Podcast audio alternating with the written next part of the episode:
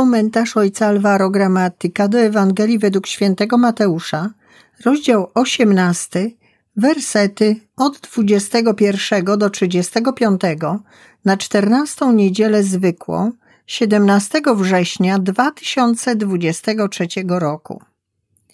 Piotr podszedł do Jezusa i zapytał: Panie, ile razy mam przebaczać, jeśli mój brat zawini względem mnie?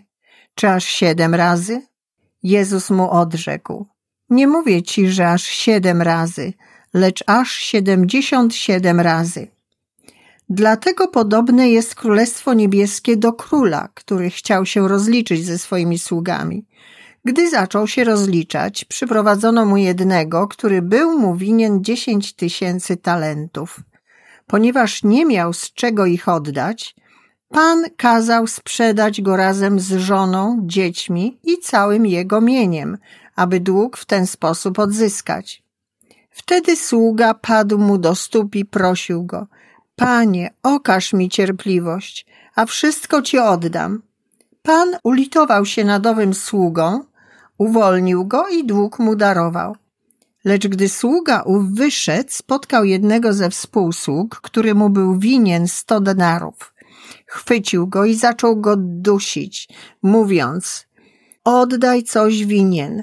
Jego współsługa padł przed nim i prosił go: Okaż mi cierpliwość, a oddam tobie.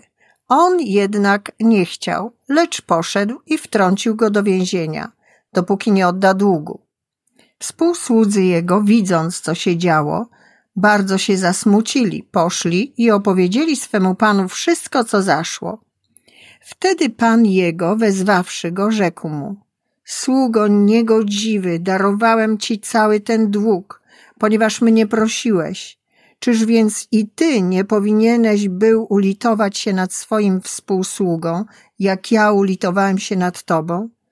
I uniósłszy się gniewem, pan jego kazał wydać go katom, dopóki mu nie odda całego długu.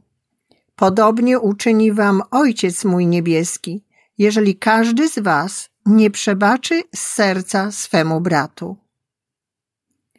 Piotr prosi Jezusa o radę, pytając go, ile razy powinien przebaczyć osobie, która zawiniła wobec niego. Myśli o liczbie siedem.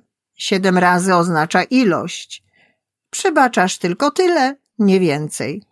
Piotr mówi kierując się kategorią ilości.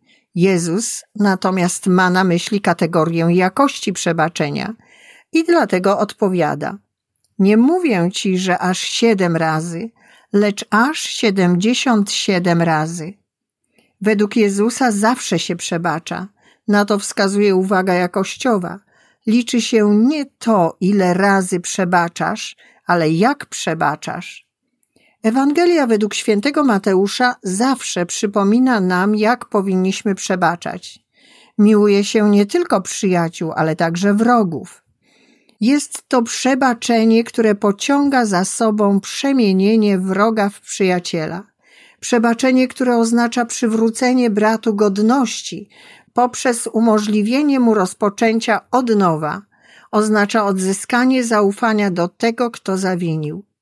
Oznacza mieć odwagę odpuścić, czyli nauczyć się odczuwać miłość i współczucie, nie przypominając doznanych krzywd. To przebaczyć z całego serca, aby wspomnienie o doznanej krzywdzie już nie warunkowało nas w relacjach ze sprawcą. Można powiedzieć, że przebaczenie polega na pełnym uniewinnieniu brata, aby mógł ponownie cieszyć się zaufaniem i dzięki temu mógł zacząć żyć na nowo bez potępienia. Wszyscy potrzebujemy przebaczenia, ponieważ nie ma człowieka, który by nie popełniał grzechów wobec kogoś. Przebaczanie nie w sensie ilościowym, ale jakościowym samo w sobie oznacza przyjęcie postawy umożliwiającej zrehabilitowanie się. Jesteśmy wezwani, aby przebaczać, ale także my potrzebujemy, aby nam przebaczono. Wynika z tego, że przebaczenie zaproponowane przez Jezusa umożliwia nam wszystkim zmartwychwstanie już dzisiaj, ożywia przyjaźń, szczerze jedności, umacnia nadzieję, że nikt nie zostanie osamotniony pod ciężarem swojej winy. Przebaczenie jest konkretyzacją i przedsmakiem, antycypacją zmartwychwstania. Na tyle, na ile będziemy żyć wzajemnym miłosierdziem, będziemy żyć w komunii, będziemy potrafili wziąć na swoje ramiona brata, który zgrzeszył, wiedząc, że jutro każdy może znaleźć się w takiej samej sytuacji. I będziemy żyć w radości, bez lęku przed potępieniem. Przebaczenie jest stylem życia i stanowi integralną część naszego życia, właśnie dlatego, że jesteśmy grzesznikami.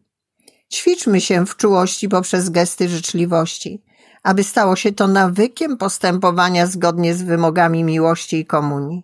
W rzeczywistości tak właśnie postępuje z nami Bóg. Zawsze nas odkupuje.